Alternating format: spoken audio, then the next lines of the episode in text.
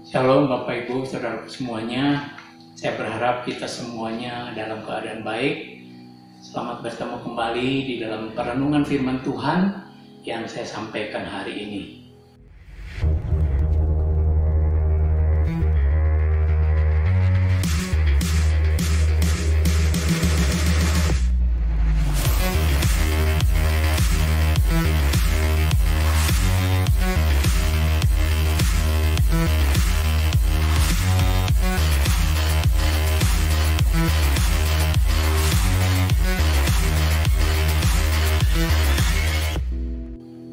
Saja kita membaca atau saya membacakan Matius pasal yang kelima ayat yang ke-8 berbunyi demikian.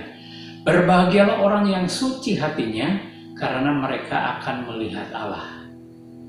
Jadi di sini Tuhan Yesus di dalam pengajarannya melalui khotbah di atas bukit menekankan tentang pentingnya hidup suci buat setiap orang percaya.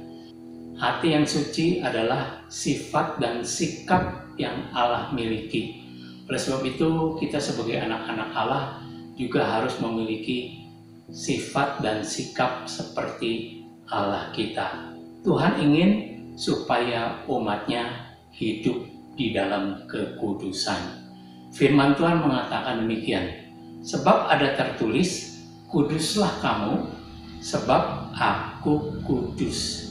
Jadi hati yang suci artinya orang itu memiliki kekudusan di dalam hatinya, memiliki ketulusan, memiliki kemurnian, tidak tercemar oleh dosa, tidak mendua hati, tidak munafik, ya apa yang ada di dalam dan apa yang ada di luar itu sama.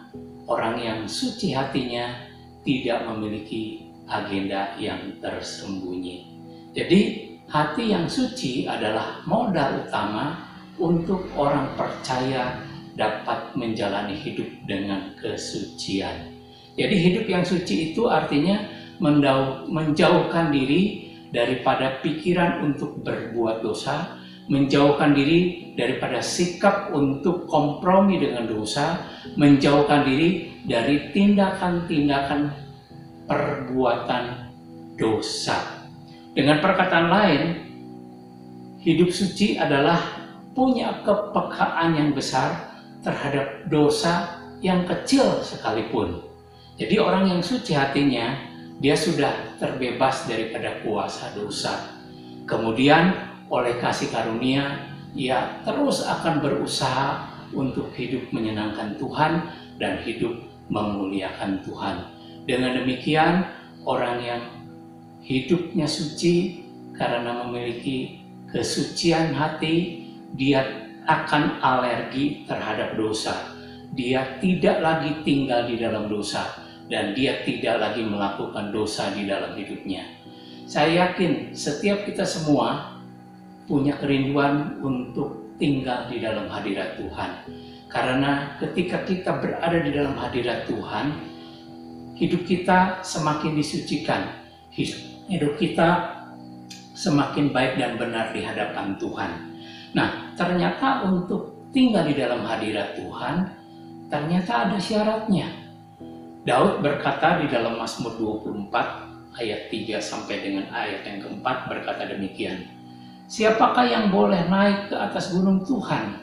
Siapakah yang boleh berdiri di tempatnya yang kudus? Ayat yang keempat berkata, orang yang bersih tangannya dan murni hatinya, yang tidak menyerahkan dirinya kepada penipuan dan tidak bersumpah palsu. Jadi, untuk masuk ke dalam hadirat Tuhan, supaya kita bisa menjalani hidup yang semakin disucikan, ternyata syaratnya yaitu tangannya harus bersih. Jadi apa yang kita lakukan itu tidak boleh tercemar oleh dosa. Kemudian hatinya juga harus murni. Artinya apa yang ada di luar dengan apa yang ada di dalam itu harus sama. Demikian juga di dalam Ibrani pasal yang ke-12 ayat 14 dikatakan demikian. Berusahalah hidup damai dengan semua orang dan kejarlah kekudusan Sebab tanpa kekudusan tidak seorang pun akan melihat Tuhan. Saya ulangi, tan sebab tanpa kekudusan tidak seorang pun akan melihat Tuhan. Ya. Jadi hidup kudus adalah panggilan buat setiap orang percaya. Hidup kudus adalah pencapaian yang harus diraih oleh setiap orang percaya. Hidup kudus harus menjadi nilai atau value yang dimiliki ketika kita menjalani hidup ini. Hidup kudus itu tidak otomatis. Memang Tuhan Yesus mati di kayu salib untuk menebus segala dosa kita. Tapi bukan berarti kita sudah kudus. Tapi hidup kudus itu harus diperjuangkan Hidup kudus itu harus dikejar. Hidup kudus itu harus diusahakan. Hidup kudus itu harus dicapai dan digenapi dalam hidup kita. Nah, sekarang saya ingin sampaikan apa akibatnya kalau kita punya hati yang suci. Kembali kepada Matius pasal yang kelima, ayat yang ke-8 berkata, Berbahagialah orang yang suci hatinya, karena mereka akan melihat Allah. Ada sebuah pertanyaan. Apakah Allah dapat dilihat? Tentu saja tidak. Karena Allah itu adalah roh. Nah, kata melihat di sini di dalam bahasa aslinya adalah optanomai. Nah, optanomai ini punya pengertian bahwa ketika kita melihat Allah, berarti kita selalu memandang Allah. Ketika kita melihat Allah, berarti kita ada bersama dengan Allah. Ketika kita melihat Allah, berarti kita mengenal kehendak Allah. Jadi di balik kata melihat Allah, berarti ada pengharapan ketika kita hidup suci, saudara dan saya akan mengalami hidup di dalam kekekalan. Ketika kita melihat Allah, berarti kita bersama dengan Tuhan di dalam kekekalan. Nah, kita juga perlu bertanya, bagaimana caranya supaya kita memiliki hidup yang suci? Untuk menjalani hidup yang suci bukan berarti kita harus bersemedi, bertapa, Bukan berarti kita juga naik gunung kemudian menyendiri. Bukan juga berarti kita memisahkan diri daripada dunia di sekitar kita, daripada orang-orang di sekitar kita. Bukan demikian, ya. Tetapi untuk hidup yang suci ada cara yang sederhana, ada yang ada cara yang bisa dilakukan oleh setiap orang percaya. Nah, hari ini saya ingin menyampaikan ada dua cara supaya kita dapat menjalani hidup ini dengan hidup kudus. Yang pertama adalah melalui kebenaran firman Tuhan. Kita tahu bahwa firman Tuhan itu ibarat pedang yang bermata dua. Dia bisa menusuk ke, depan dan juga bisa menusuk kepada diri kita sendiri. Ibrani 4 ayat 12 mengatakan demikian Sebab firman Allah itu hidup dan kuat dan lebih tajam daripada pedang bermata dua mana pun. Ia menusuk amat dalam sampai memisahkan jiwa dan roh, sendi-sendi dan sumsum. Ia sanggup membedakan pertimbangan dan pikiran hati kita. Biasanya ketika kita mendengar firman Tuhan, biasanya kita berpikir, oh firman ini cocok buat si Anu, bukan buat saya. Padahal firman Tuhan itu seperti pedang bermata dua. Di samping untuk orang lain, juga untuk diri kita. Terlebih lagi juga ketika saya membawakan firman ini, firman itu bukan hanya untuk Bapak, Ibu, dan Saudara, tetapi juga untuk diri saya. Nah, karena segala tulisan yang diilhamkan oleh Allah memang berguna untuk mengajar, untuk menyatakan kesalahan, untuk memperbaiki kelakuan, dan untuk mendidik orang di dalam kebenaran. Nah, cara yang kedua supaya kita hidup suci yaitu melalui doa. Doa seperti apa yang kita panjatkan? Saudara, ketika kita berdoa, ya, kita harus minta supaya Tuhan mengenali hati kita. Dan Tuhan, dan minta Tuhan supaya Tuhan menyatakan hal itu kepada kita. Daud berkata, ya,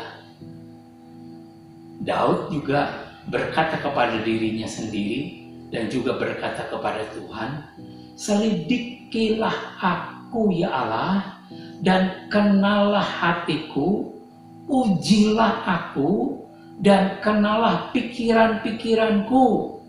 Lihatlah apakah jalanku serong dan tuntunlah aku di jalan yang kekal.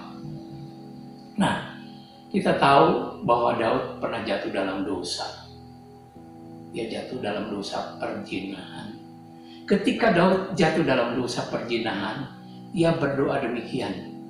Jadikanlah hatiku tahir ya Allah. Perbaharuilah batinku dengan roh yang teguh. Janganlah membuang aku dari hadapanmu. Dan janganlah mengambil rohmu yang kudus daripadaku. Nah akibatnya Daud tidak lagi jatuh dalam dosa yang sama.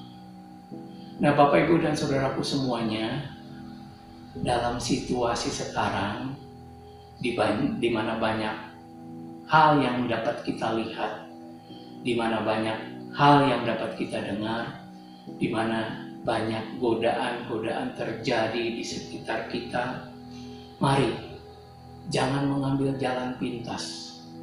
Mari jangan kompromi dengan dosa. Mari Jangan mengutamakan tujuan.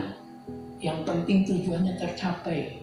Tapi kita perlu memperhatikan apakah cara kita di dalam mencapai tujuan itu berkenan atau tidak berkenan kepada Tuhan. Mari jaga hati kita. Mari miliki kesucian.